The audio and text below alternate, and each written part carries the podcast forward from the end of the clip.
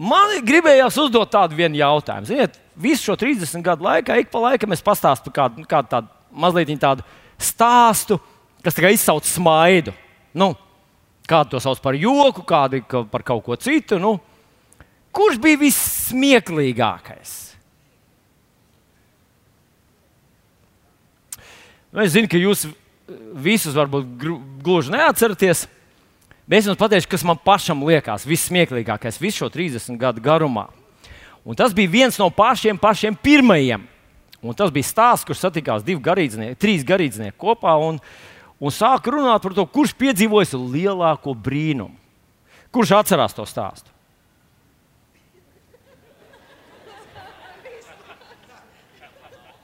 Tiešām neviens neatceras. Es drīkstu izstāstīt. Tādā sanāca kopā mācītājs, katoļu priesteris un rabīns.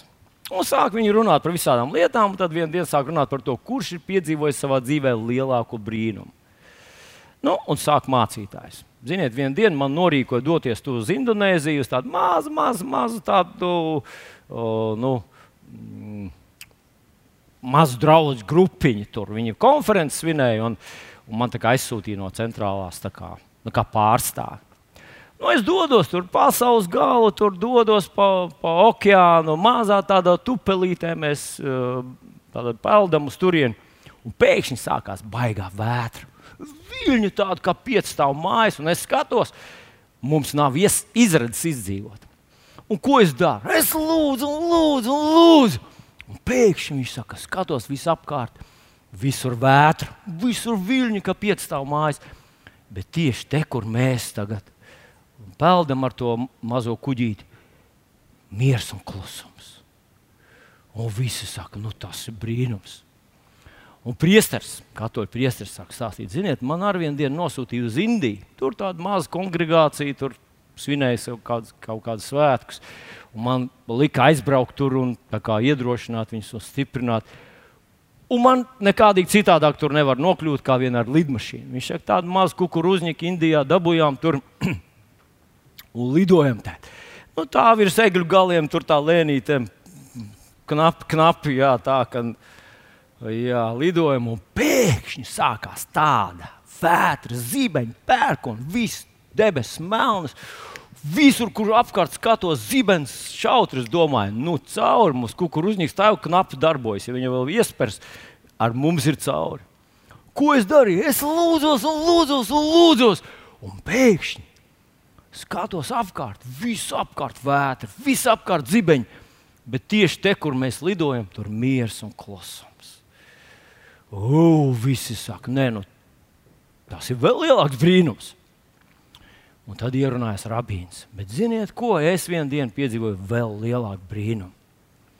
Tas bija sabatā.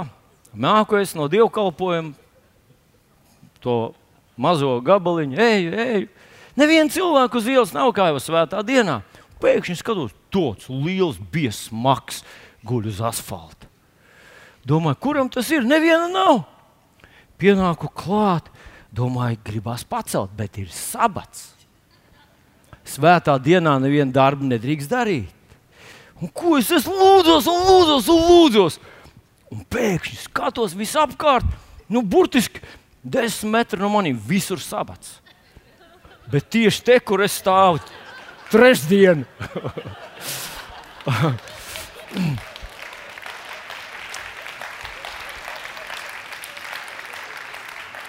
nu, es domāju, tas ir vislielākais brīnums. Pareizi. Bet, lai ilustrētu no šīs dienas vārdu, man jāizstāsta viens cits stāsts. Un tas ir stāsts par vienu mācītāju, kurš svētdien pēc dievkalpojuma nokalpojas, eh, brauc mājās. Viņš iekāpa mašīnā, labā noskaņojumā, brauc pa galveno ceļu, viņam līdz pašām mājām tā varbūt aizbraucis.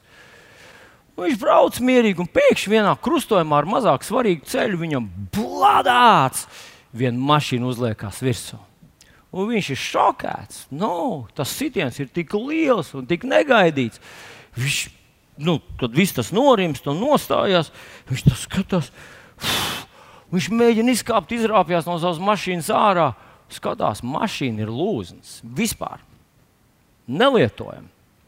Viņš tur domā, kas tur tajā tas trakais, tajā otrajā mašīnā, kas viņam uzbrauc virsū, pieiet klāt, skatās. Un redz lēnām no otras mašīnas, kas arī ir lūznas, sadauzīta, vispār nelietojama, rāpjas ārā rabīns. Nu, ko, kā, kāpēc tur viņi tur runā? Un, un pēkšņi mācītājs saka, bet zini, ko tas ir brīnums. Mašīnas abas ir galīgi sadauzītas. Mums ar abiem nekādas skrambiņas. Pēc mirkļa rabīns saka, bet tie nav vienīgie brīnumi. Ir vēl viens brīnums. Mūsu mašīnas ir lupatās, mums abiem ne skrambiņas, bet man bagāžniekā ir vīna pudele, un tā arī ir vesela. Ko tas varētu nozīmēt, mācītāji domā? Un pēkšņi rabīns saka, zini, ko? Laikam tā ir zīme no debesīm. Un tā ir zīme par to, ka mums vajadzētu tās savas savstarpējās rīvēšanās izbeigt. Mums vajadzētu būt tādiem vienotiem, saliedētiem, kā brāļiem. Mēs taču kalpojam vienam dievam. Ko tu saki jau uz šīs, šīs atziņas pamata? Mēs arī izlīgtu, mēs kopīgi pieņemtu vakarēdienu. Rabīns tā saka, nu, mācītājs saka, kurš pret to var kaut ko iebilst? Ļoti labi, Rabīns atkorķē brīnumaino vīnu pudeli un pasniedz mācītājiem. Pēc visa piedzīvotā, pēc visas šoka un pēc visas tā tur, kakls viņam ir galīgi sauss. Viņš paņem pudeli un klo, klo, klo. Ah, nu, samitrināja kaklu un tik labi palika. Viņš pasniedz to atpakaļ rabīnam. Rabīns paņem pudeli un uzmanīgi un cītīgi aiztaisa ciet. Mācītājs saka, tu taču arī iedzers. Es iedzeršu, iedzeršu, bišķi vēlāk, kad aizbrauks policija, saka Rabīns.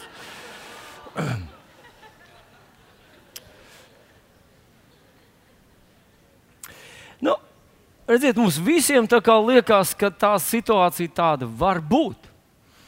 Un ka cilvēku starpā mums jābūt uzmanīgiem. Vai ne? Un kā lai pasakā, mēs visus mīlam, visiem uzticamies un tomēr savu maku turam pie sevis. Attiecībās ar Dievu tas darbojas pilnīgi pretēji. Tur nav iespējams, ja mēs neusticamies, ja tu neusticies Dievam, nav iespējams ar viņu sadarboties. Ja mēs padomājam, Dievs ir visu zinošs, mēs ar tevi nezinām gandrīz neko. Mēs paši ar sevi netiekam galā. Brīžiem mēs nezinām, kā Pāvils saka, Romiešu vēstulītes 7. nodaļā. Viņš saka, to labo, ko es gribu izdarīt, es nedaru. Un to ļauno, ko negribu, to es daru. Dievs zina visu, mēs nezinām. Dievs var visu. Kādā vietiņā Jēzus saka, jūs bez manis nenieka nevarat izdarīt starp tādu, kurš ir visvarens, un starp kādu, kurš neko daudz savā dzīvē nevar izdarīt.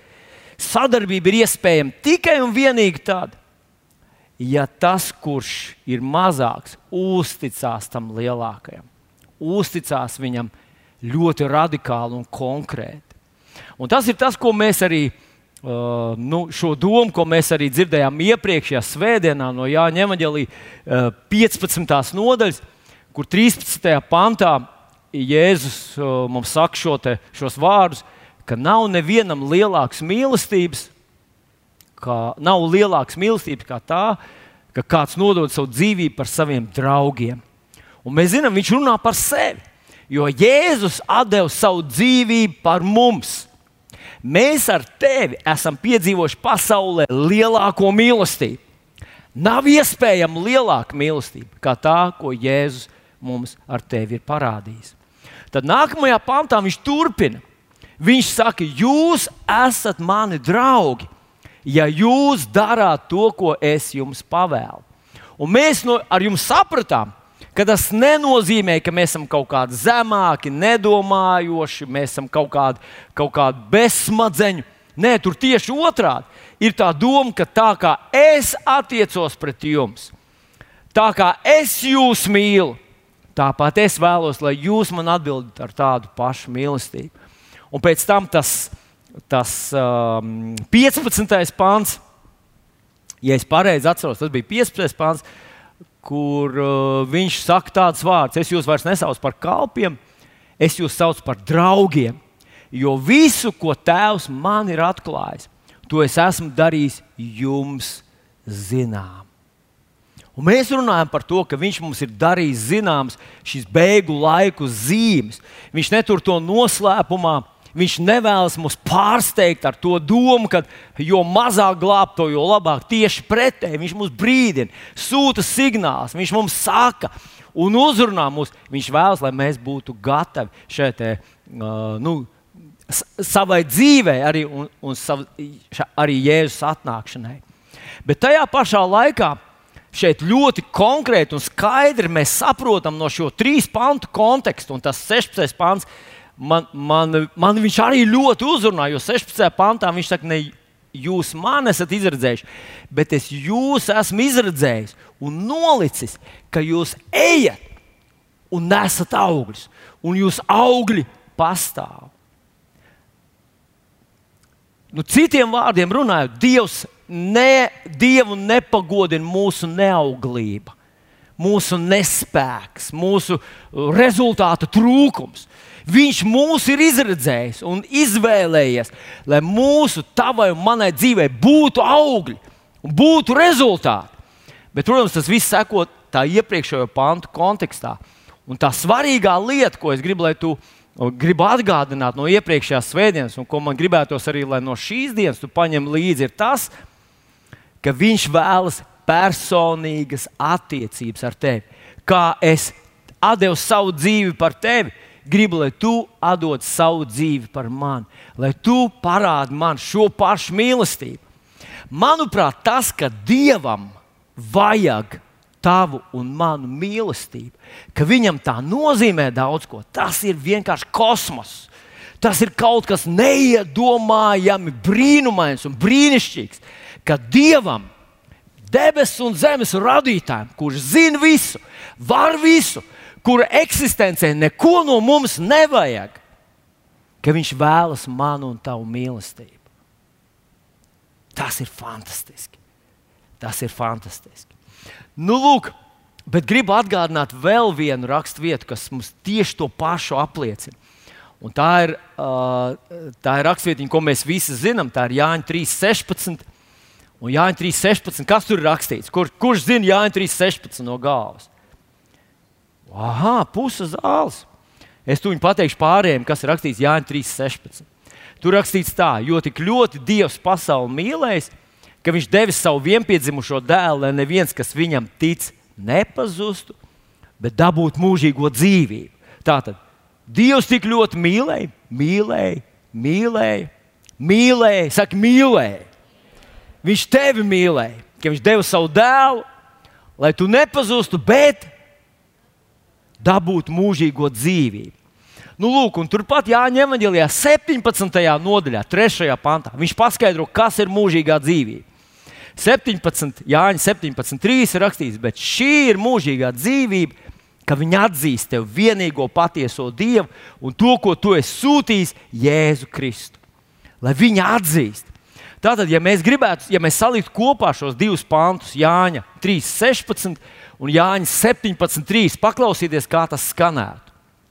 Jo tik ļoti Dievs pasauli mīlējis, ka Viņš devis savu vienpiedzimušo dēlu, lai neviens, kas viņam tic, nepazustu. Bet,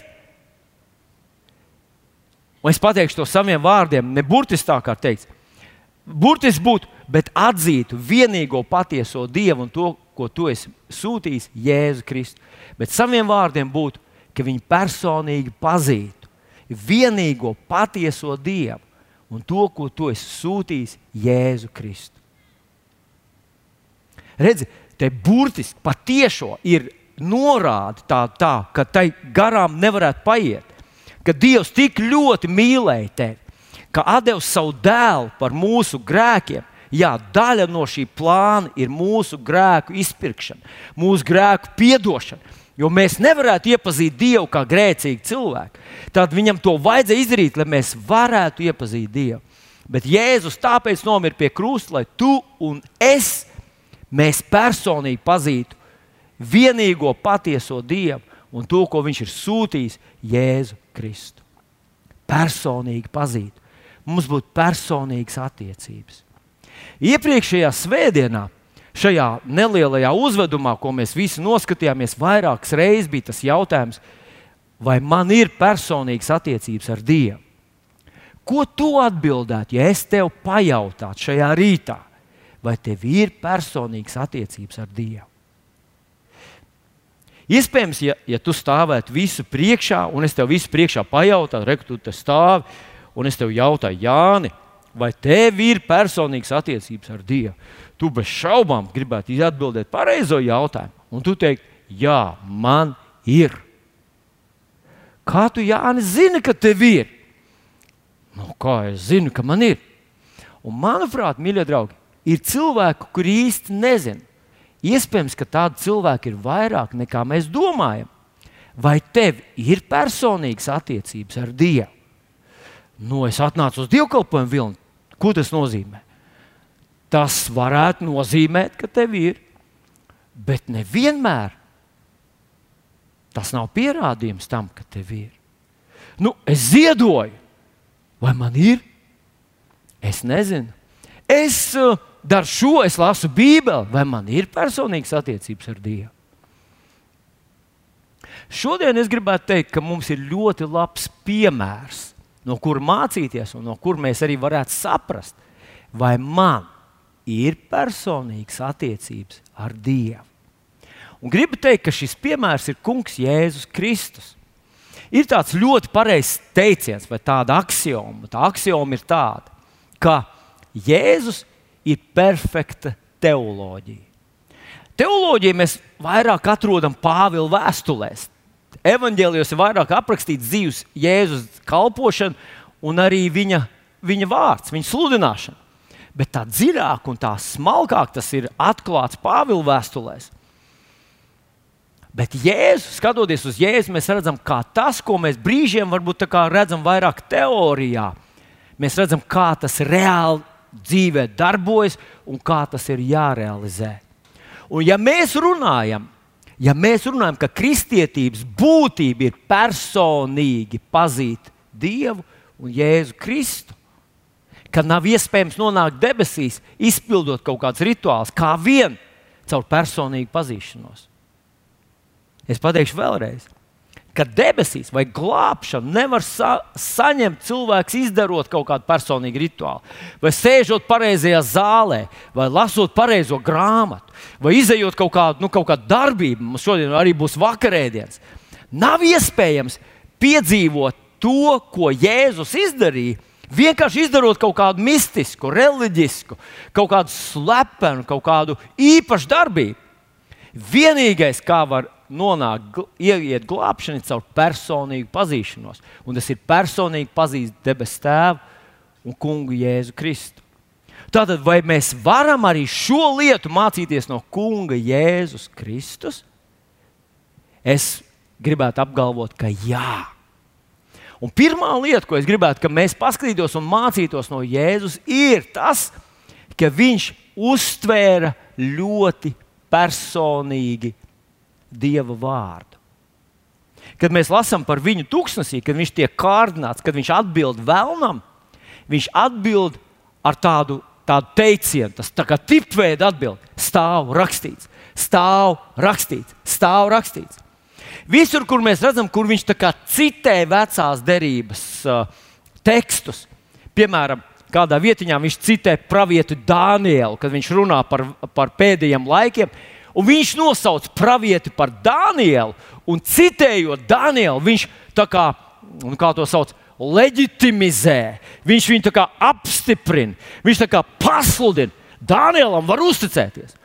Un viss, vis, ko Jēzus citē no vecās derības, un viņš diezgan daudz kaut ko citē, tādā veidā viņš, viņš tā kā, nu, apzīmogo tās grāmatas, ka tām var uzticēties un viņš to uztver personīgi. Nu, kad vēlams viņam saka, lai viņš tur met, metā zemē no tā dieva nama jumta, jo tur taču ir taču tāds apsolījums, ka viņš viņa eņģeļi tevi sargās un nesīs, un tu savu kāju pie akmens nepiedauzīs, tad Jēzus saka, tev būs to kungu dievu pielūgt, un viņam vien kalpot. Tas ir kā normāli, tas attiektos uz cilvēkiem, vai ne? Dievam taču Dievs nav jāpielūdz. Un mēs zinām, ka Jēzus reizē ir simtprocentīgs cilvēks un simtprocentīgs Dievs. Bet viņš šo vecās derības pavēli, viņš uztver to personīgi uz sevi.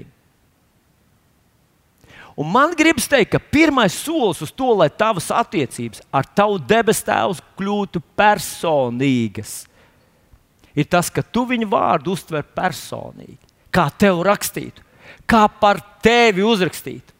Ir interesanti, ka Jēzus kādā vietā, man liekas, viņš runā ar, ar tiem emaus mācekļiem. Viņš viņiem saka, vai tad jūs neesat lasījuši, kas par mani ir rakstīts praviešos, um, kā nu bija Mozus grāmatā, praviešos un dziesmās. Tā, tā teiksim, iespējams, ka tas nav ļoti precīzi, bet, bet tādu par mani rakstīts.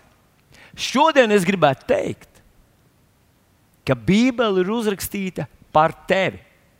Ne visa, bet viņa ir tik personīgi rakstīta, tik ļoti Dievs zināja tavu un manu situāciju, tavu un manu dzīvi, ka es būtībā, burti, burtiski var ņemt, aprakstīt, lasīt apsolījumus un pieņemt tos burtiski sev.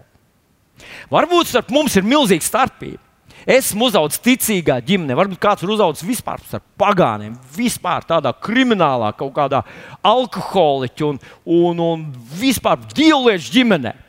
Vai tiešām varētu būt tā, ka šī Bībele tikpat simtprocentīgi atbilst viņam un atbilst man?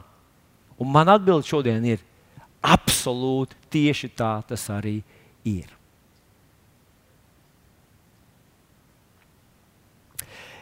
Es gribu parādīt divas raksturvietas, un pēc tam izstāstīt vienu stāstu no Bībeles. Mēs mēģināsim to izdarīt ļoti, ļoti uh, nu tā, operatīvi. Es redzu, ka jūs neviens nemiegat ciet, tā kā, tā kā mēs varēsim iet ātri.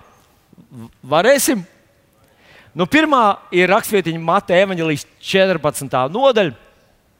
Mateja 14, 14 ir tas pāns, ko tieši gribu, lai jūs redzat, uh, bet, bet mazliet pastāstīšu to kontekstu. Jēzus ar saviem mācekļiem ir daudz kalpojis un daudz strādājis. Nu, viņi beidzot izlēma aiziet prom uz kādu vientuļu vietu, vienkārši pabūt paši savā starpā, atpūsties un pārunāt kaut kādas lietas. Kā mēs zinām, Jēzus skaidro īpaši mācekļiem kaut ko. Un tagad uz to vietu sanāk cilvēki no apkārtējām pilsētām ar kājām, liels pulks. Un Jēzus skatās uz viņiem un sirds viņam par tiem iežēlojas.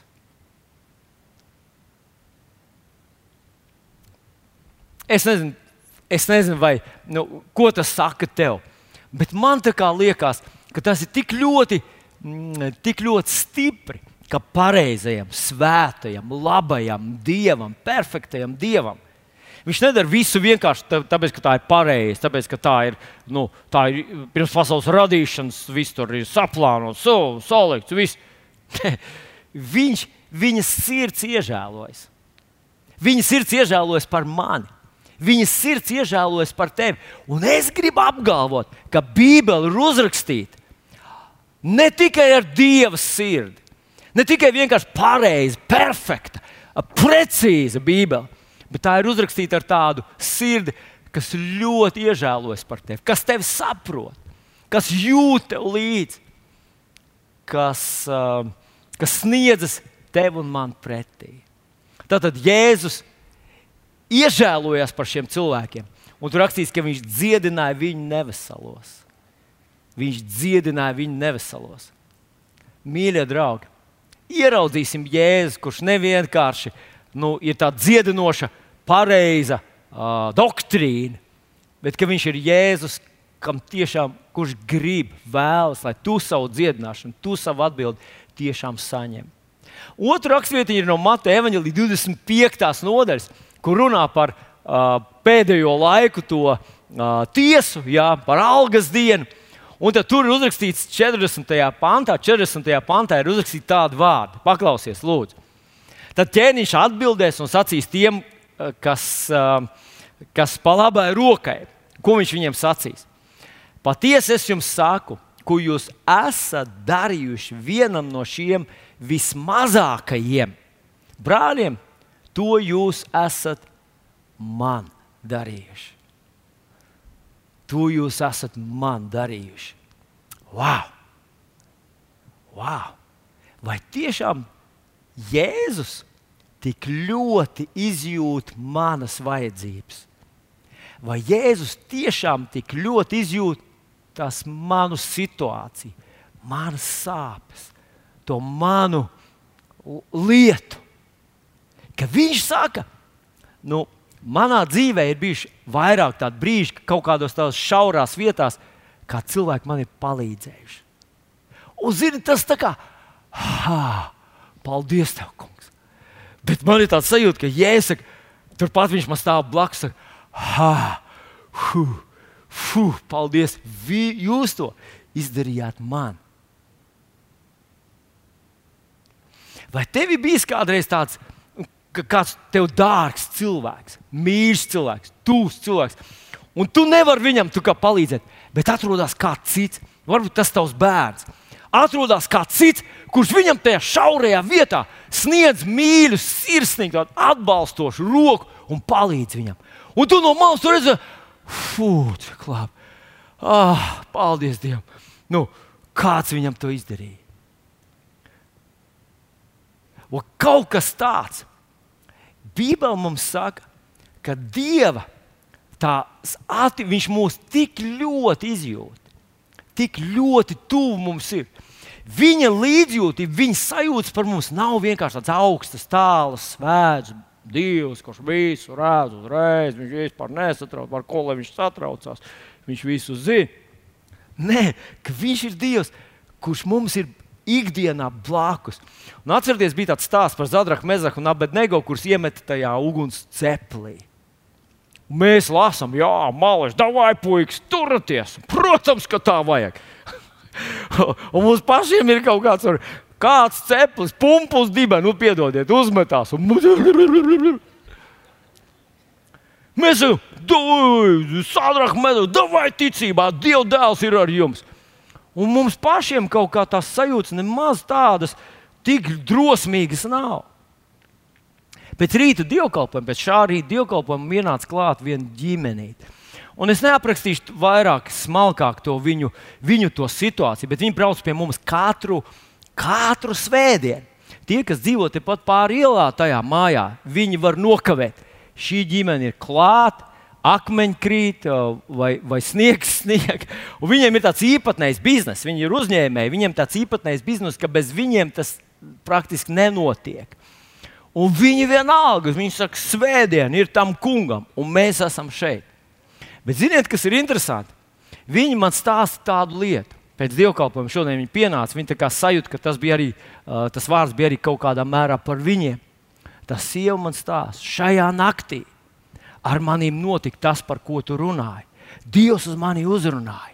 Viņš man teica, dzirdamā balsī, un viņš teica, viņš to pateica mierīgi, bet ar tādu autoritāti. Un viņš teica, es dzirdēju vārdus. Tas kungs teica, es visu esmu izdarījis. Un es domāju, nu, Bībelī ir uzrakstīts, ja Jēzus teica, es visu esmu izdarījis. Bet viņš saka, pagaidi, pagaidi, paklausies. Un tad Es saku, nu, kas tad? Un tas vīrs sāk stāstīt, ka viņam vārds mēneša atpakaļ, varbūt tas termiņš bija kaut kāds cits, es nepiefiksēju, man atklāja audzēju. Un ir kaut kāds rādītājs konkrēti, kas asinīs visu laiku liecina par viņa, par viņa stāvokli. Un viņš teica, mēs sākam lūgt Dievam, mēs sākam ticēt Dievam, ka Viņš ir Dievs, kurš palīdz. Un viņš teica, man bija ik pēc trim mēnešiem jāiet nodot atkal tās analīzes. Un ar katru nākamo reizi tas rādītājs ir zemāks, zemāks, zemāks. Un nu, viņš teica, šajā pēdējā reizē, kad es biju aizgājis, viņš teica, tas vecs saka, īsti ticības vīrs saka, man vispār nav satraukuma. Bet uh, ticības sieva saka, bet es uztraucos.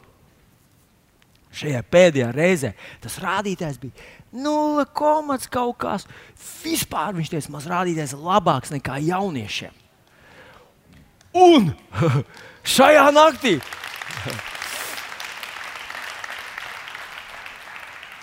Viņa teica, šajā naktī es dzirdēju balsi. Es visu esmu izdarījis. Fuh. Es teicu, nu, Dievs, Dievs tev to pateica. Jā, bet kāpēc es to saku? Ka Viņš ir tev un man. Viņš ir tev un man tik tuvu, tik ļoti viņš izjūt to. ka mums nevajadzētu šaubīties, ka Dievs ir tāls, svešs, augsts un neiejūtīgs. Viņš ir vienreizēji tuvu, vienreizēji jūtīgi, mīlestības pilns sirds. Dievs ir ļoti, ļoti personīgs.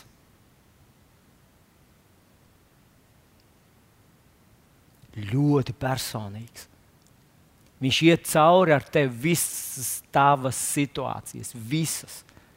Ne vienkārši kā tērauda statuja, bet kā mīloša, sirsnīga Dieva sirds, Tēva sirds.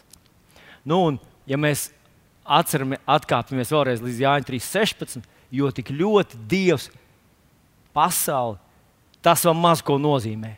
Ja tu nevari teikt, ka Dievs tik ļoti mīl mani, Dievs tik ļoti mīl mani, ka viņš priekš manis uzrakstīja Bībelī. Atcerieties, Jāņa 15, 15. Uh, es jūs nesaucu par kalpiem, jo visu, ko esmu saņēmis no tēva, esmu jums darījis zinām. To mēs esam saņēmuši kā Bībelīte. Tas ir rakstīts mīlestība, sirsnība, iejūtība. Es tevi saprotu, es mīlu tevi, es esmu ar tevi visās šaurajās vietās. Uzticies man! Nu, tad ebrejiem 13.8. rakstīts, Jēzus Kristus vakar un šodien un mūžīgi tas pats. Tā ir axioma. Tā ir tā tāda, tas jau ir sen pierādīts, tas neapgāžam. Tas tā vienmēr ir bijis un vienmēr būs. Līdz ar to viņš ir tas, kurš iežēlojas, viņš ir vienmēr tas, kurš tev ir blakus. Un, nu, ļaujiet man izstāstīt vienu īstu stāstu par Hagaru un Ismēlu. Tie ir cilvēki, kas atrodas nepareizā vietā, nepareizā laikā. Tie ir cilvēki, kuriem īstenībā nekas īsti viņiem nevajadzētu piederēt. Un tomēr mēs redzam, kāda dieva mīlestība un žēlastība viņiem tiek dāvināta. Jūs esat vēl ar mani? Paceliet rokas, kas ir ar mani. Kas jau aizpeldēja kaut kur?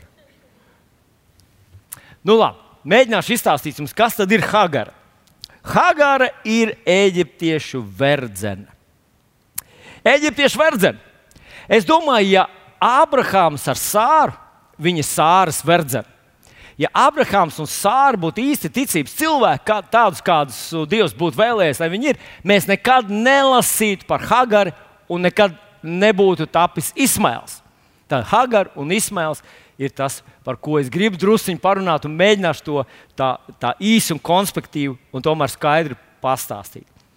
Tātad pirmo reizi mēs uzzinām, vai es pieminu šajā um, pirmā mūža grāmatā, 16. nodaļā, tas ir stāsts par to, um, kad Hagara ir aizbēgusi no savas valdnieces, no Sāras. Un es jums pastāstīšu, kas tad noticis pirms tam. Sāra saņēma ar Abrahāmu tādu dieva apsolījumu par to, ka viņiem būs apsolījuma dēls, ka Abrahāms būs tēvs daudzām tautām, un viņi gaida gadu, divus, trīs, četrus, piecus nu, daudz gadus. Un Sāra ienāk prātā doma, ka viņa dos savu verdzeni. Hagāri viņa dos Abrahamam par sievu un tā, lai dzemdē uz viņas ceļiem. Nu, kaut, kā, kaut kādā mērā tas skaitīsies, ka tas ir Sāras bērns. Un Abrahama bērns, protams, tas svarīgākais, protams, lai Abrahamam būtu pēcteči. Nu, Abrahams uzklausīs viņu domu, arī viņam varbūt radās tāda doma, ka varbūt, varbūt tas būs tas pats, tas būs tas pats apsolījums, Un tomēr mēs būsim piepalīdzējuši tam. Un viņš piekrīt, labi. Hagare, kas ir verdzene, kļūst tā tad atbrīvot no verdzības, viņa kļūst par Abrahāma sievu. Viņa bija verdzene Sārai, bet nu viņa kļūst par līdzvērtīgu sievu savai kundzei. Viņa tā tad ir Abrahāma sieva. Un viņa kļūst grūta. Un tur rakstīts Bībelē, ka viņa kļuva nicināma. Viņas acīs, viņas, viņas iepriekšējā prie, uh, valdniece kļuva nicināma. Un Sāra to ļoti sāpīgi pārdzīvoja. Un Sāra iet pie Abrahama un saka, paklausies, re, ko es tev iedevu savu verdzenu. Viņa teica, man neciena vispār, vispār neizturās. Tā, iz, iz, kā, nu, nu, kā, jau, kā jau normāli tas ģimenē ir, viņa, viņa, viņam izsaka ultimātu. Abrahams, būdams īsts vīrietis, kurš uzņemas atbildību, saka, pa, pašas tieciet galā, pati tiec galā, ko es tur, uh, nu, ko es tur jaukšos iekšā, jūsu sieviešu konfliktos. Un Bībelē ir uzrakstīts, ka, Sā, ka Sāra pazemoja Hagari. Ko nozīmē pazemoja? Tur nav īsti uzrakstīts.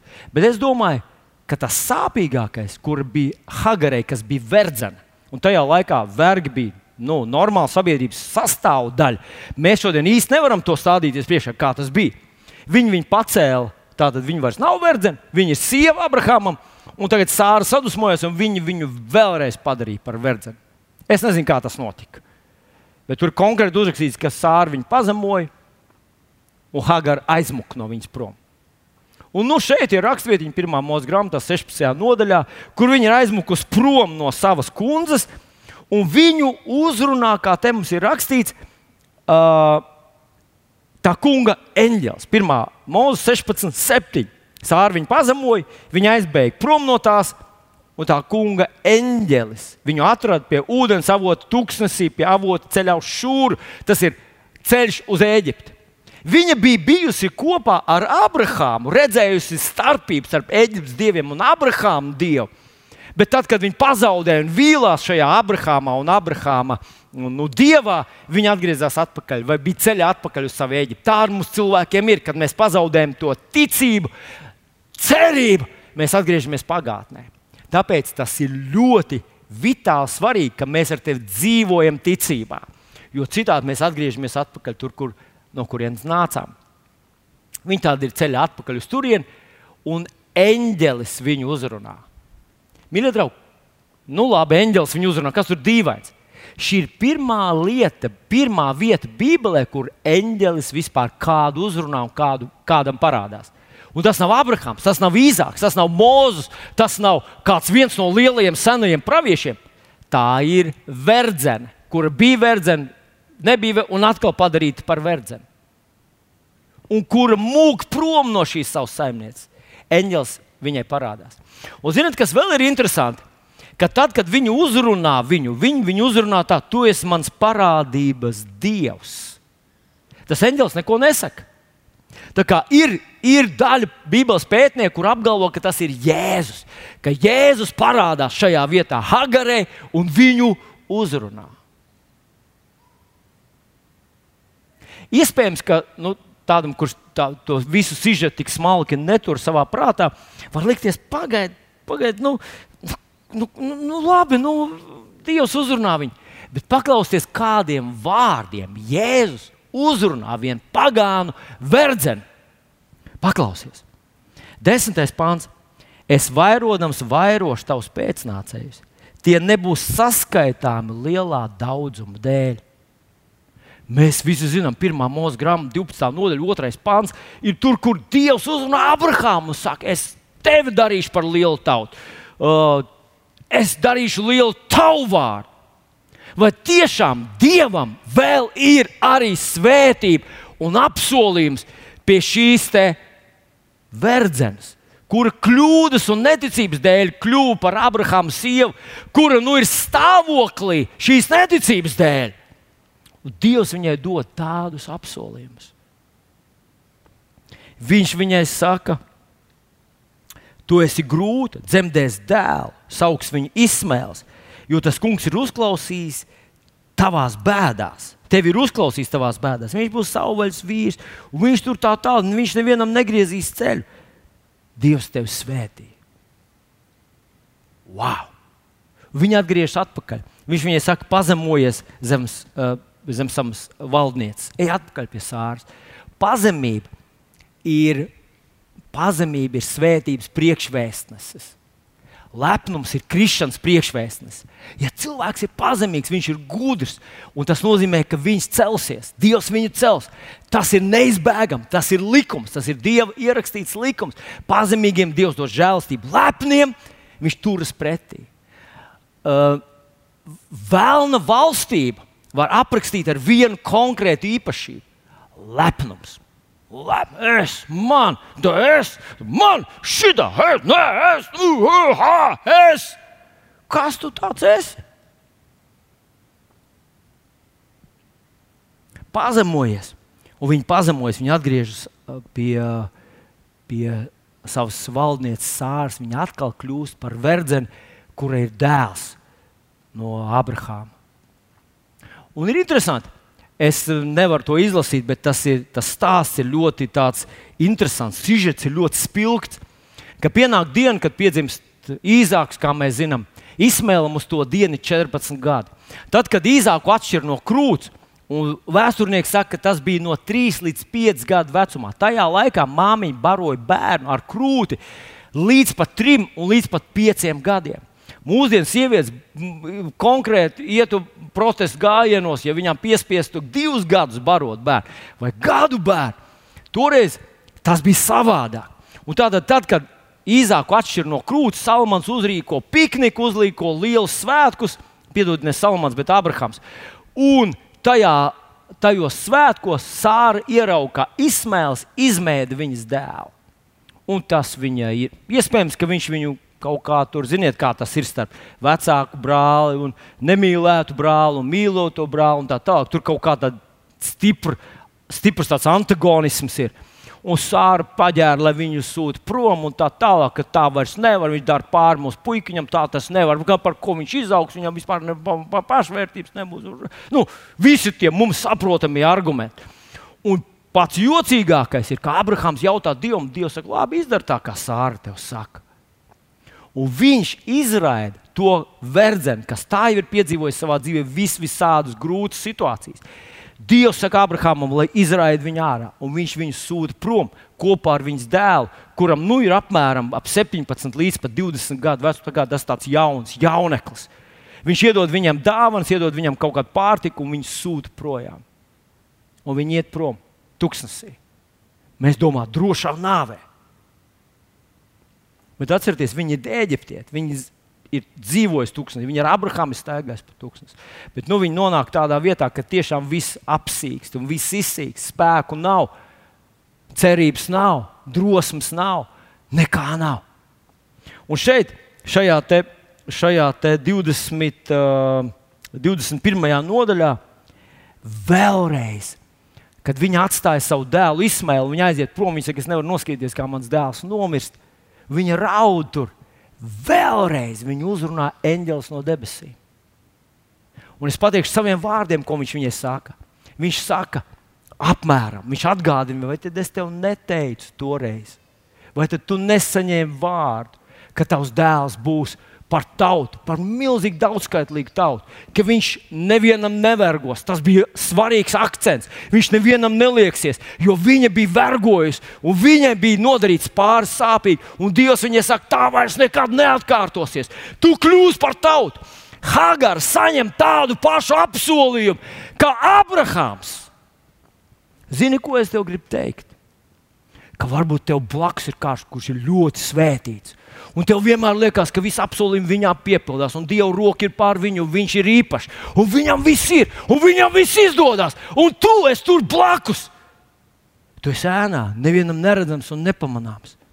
Vai tiešām varētu būt tā, ka Dievam ir tikpat daudz daļas gar tevi? Kā gar kādu, kurš ir īpaši izredzēts, kurš ir īpaši sarakstīts viss priekš viņa, visi apsolījumi viņam pieder. Vai tā var būt? Tas ir tieši tas, ko šis stāsts mums cenšas pateikt. Manuprāt, tas ir vienkārši sprādziens. Iespējams, ka tavā dzīvē daudz kas ir sačakarēts. Tā bija neticība, tas bija glupi lēmumi. Kaut kas nogāja greizi, un daudz kas nogāja greizi. Un tagad tev nu, nav nākotnes. Cilvēcīgi tev nav nākotnes, tu esi tuksnesī. Un viss. Tās ir dzīves beigas. Tieši tā Hagara to redzēja. Un tad dzirdamā balsī no debesīm viņa uzrunā Dievs, tas kungs vai eņģels. Un saka, viņa atceries taču vārdus, ko es tev devu. Un es ar to gribu teikt, ka, ja tu neuztver personīgi šīs attiecības ar Dievu, Ja tu neuzsver personīgi tos apsolījumus, kas Bībelē ir ierakstīti, tad tie priekš tevis būs nu, tādi vispārīgi, tādi, tā kā likuma kodeksa grāmata, bet, bet tev gar to jau nav nekādas daļas. Un tāpēc tas ir tik vitāli svarīgi, lai tu un es saprastu, ka Dievs nemet savus apsolījumus vienkārši gaisā, kam trāpīs, kas paņems, tam būs. Viņš tos dod katram personīgi, individuāli mums pat ja sākotnēji mēs viņa plānā vispār neparādījāmies. Ja tavs vārds nevienam pravietim neko nenozīmē, nekad pie tevis neviens nav apstājies, neviens nav iebakstījis tev krūtīs un pateicis, ka tu kaut kas īpašs esi. Dievam tu esi īpašs. Bet tu to vari iegūt tikai tad, ja tas kļūst par personīgu. Tu un es. Tu teici, es atbildēju, es pieņēmu, es uzticējos, es sakoju te, es eju ar tevi. Un, zinot, tad, kad viņi sadzirdēja šos vārdus, tur rakstīts, Dievs atvēra viņas acis un viņi ieraudzīja avotu. Redz, kamēr mēs dzīvojam vienkārši dabīgajā, ir iespējama tāda situācija, ka tu savā priekšā neredzi izējas. Nav. Nemāniet man. Labāk samierināties un tā lēnām izdzist, nekā ticēt, ticēt, ticēt un pēc tam babām ar pieru ieskriet sienā. Es gribētu teikt, ebreju vēstulītes varoņu, 11. nodaļu, varoņu gal, ga, galerija, ticības varoņu galerija. Tur ir daži cilvēki, kas nomira ticībā līdz pēdējiem brīdim. Viņi tā kā zadraks, mezaks un abednego iegāja tajā uguns ceplī, atteikdamies, padoties, atteikdamies pazaudēt savu ticību. Izskatījās, ka ieskrēja sienā. Bet es gribu teikt, ka neviens ar ticības sienā ieskrēt nevar ja tas ir tavs Dievs, tu viņam atsaucies. Jēzus nomira par to, lai tu pazītu personīgi savu debesu tēvu un viņu, savu glābēju un savu pestītāju. Viņam ļoti vajag tavu personīgo attieksmi, ka tu viņa dēļ nāc šurp, viņa dēļ tu pacēl rokas, viņa dēļ tu slavē. Viņa dēļ tu gavē, viņa dēļ tu lūdz, viņa dēļ tu ziedo, viņa dēļ tu nepadodies, ne, ne, neaizem miesā, nekļūsti lepns, iedomīgs, kašķīgs, niķīgs, biesīgs. Vienkārši tu nedzīvo dabīgajā, tāpēc, ka Dievs no debesīm ir uzrunājis tieši tevi. Atceries, ja es teicu, pie manis neviens nevar atnākt, ja tēvs viņu nevēl. Īsnībā tas, ka tu esi atnācis, nozīmē, ka Dievam ir plāns tavai dzīvei. Bet tas tavs Dieva plāns, ja viņš nepārvērtīsies par tavu sapni, viņš nekad nepiepildīsies.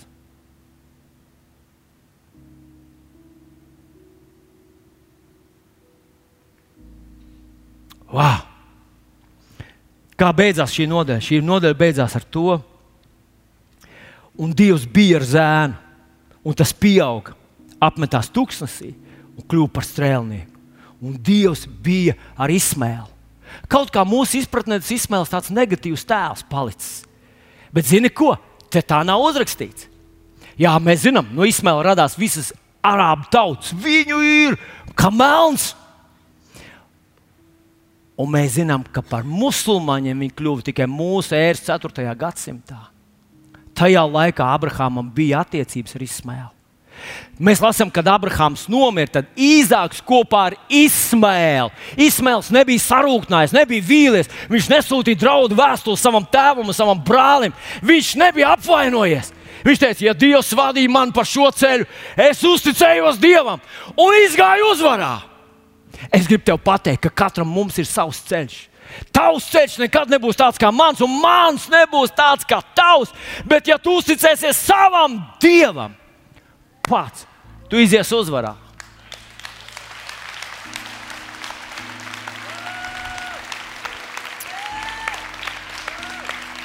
Nav iespējams savādāk.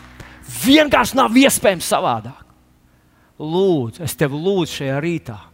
Atceries, ka tik ļoti Dievs mīlēja tevi, ka deva savu, savu vienpiedzimušo dēlu, lai tu nepazustu, bet personīgi iepazītu savu debesu tēvu uzticētos viņam, uzticētos viņa vārdam un atbildēt personīgi savam debesu tēvam. Šā rītā mēs arī baudīsim tā kunga piemiņas iestādījumu, svēto vakarēdienu. Un tu zini, ka Jēzus to padarīja ļoti personīgu. Viņš teica, tā ir mana miesa un tās ir manas asins. Cik kā tu no tā ēdi? Pasludini, ko es esmu izdarījis par tevi. Pasludini, kas tu esi. Pasludini, kādu bagātību tu esi ieguvis. Uzticies man! Uzticies man! Tas nedarbojas savādāk. Tā ir ļoti personīga reliģija, ja to vispār par reliģiju var nosaukt. Ja šajā rītā tu esi mūsu vidū, un tu vēl neesi pieņēmis jēzu par savu kungu, es no visas sirds tevi iedrošinu, atdot jēzum savu dzīvi, pieņemt viņu par savu glābēju, savu kungu. Tas pavērs tev ceļu uz to, lai tu personīgi varētu iepazīt savu debesu tēvu un kungu Jēzu Kristu. Šī dievkalpojuma nobeigumā, tajā pusītē, Oli, kas tu, tu nevarēsi visu izdarīt? Jā, līga, līga tur, tur būs. Pienāc pie viņas. Un pieņem, viņi tev palīdzēs pieņemt Jēzu par savu kungu. Labi, ja tu esi šajā rītā, lūdzu, neaizej mājās. Lūdzu, vienkārši neaizskrien turpat atpakaļ vecajā dzīvē, jo no tā nekas nemainīsies. Bet šodien to var izmainīt visu savu dzīvi radikāli.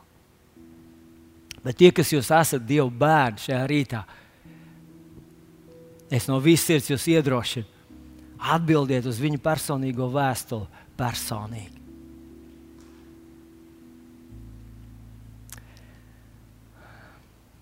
Uh,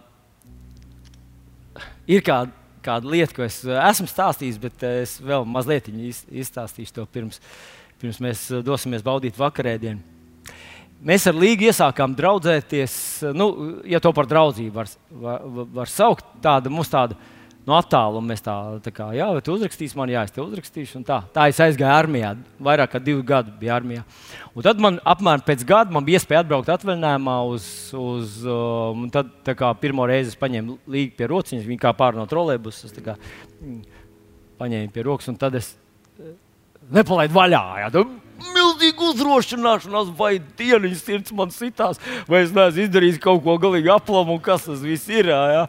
Nu, turēt meitenes roku. Es biju atnācis no dienas, man bija 19 gadi vai vairāk. Nu, lūk, un, un pēc tam mēs sākām tā aktīvāk sarakstīties. Un katru vēstuli Līga rakstīja ļoti tādas, viņa rakstniece. Viņa rakstīja tādas vēstules, ka es izlasīju, man sirds sitās. Un ko ar tādu, ko ar meitenes vēstuli var darīt? Puisis dienestā.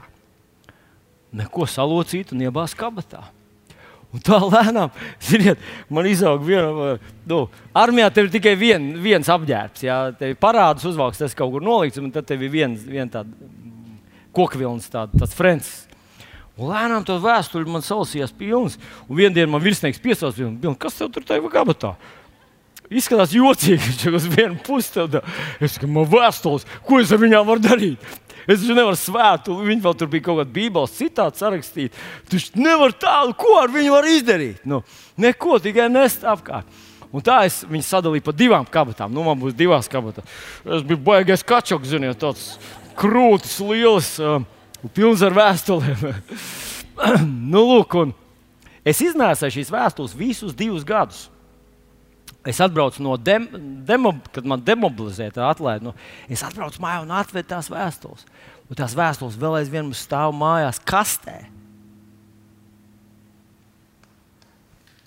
Jā, Nē.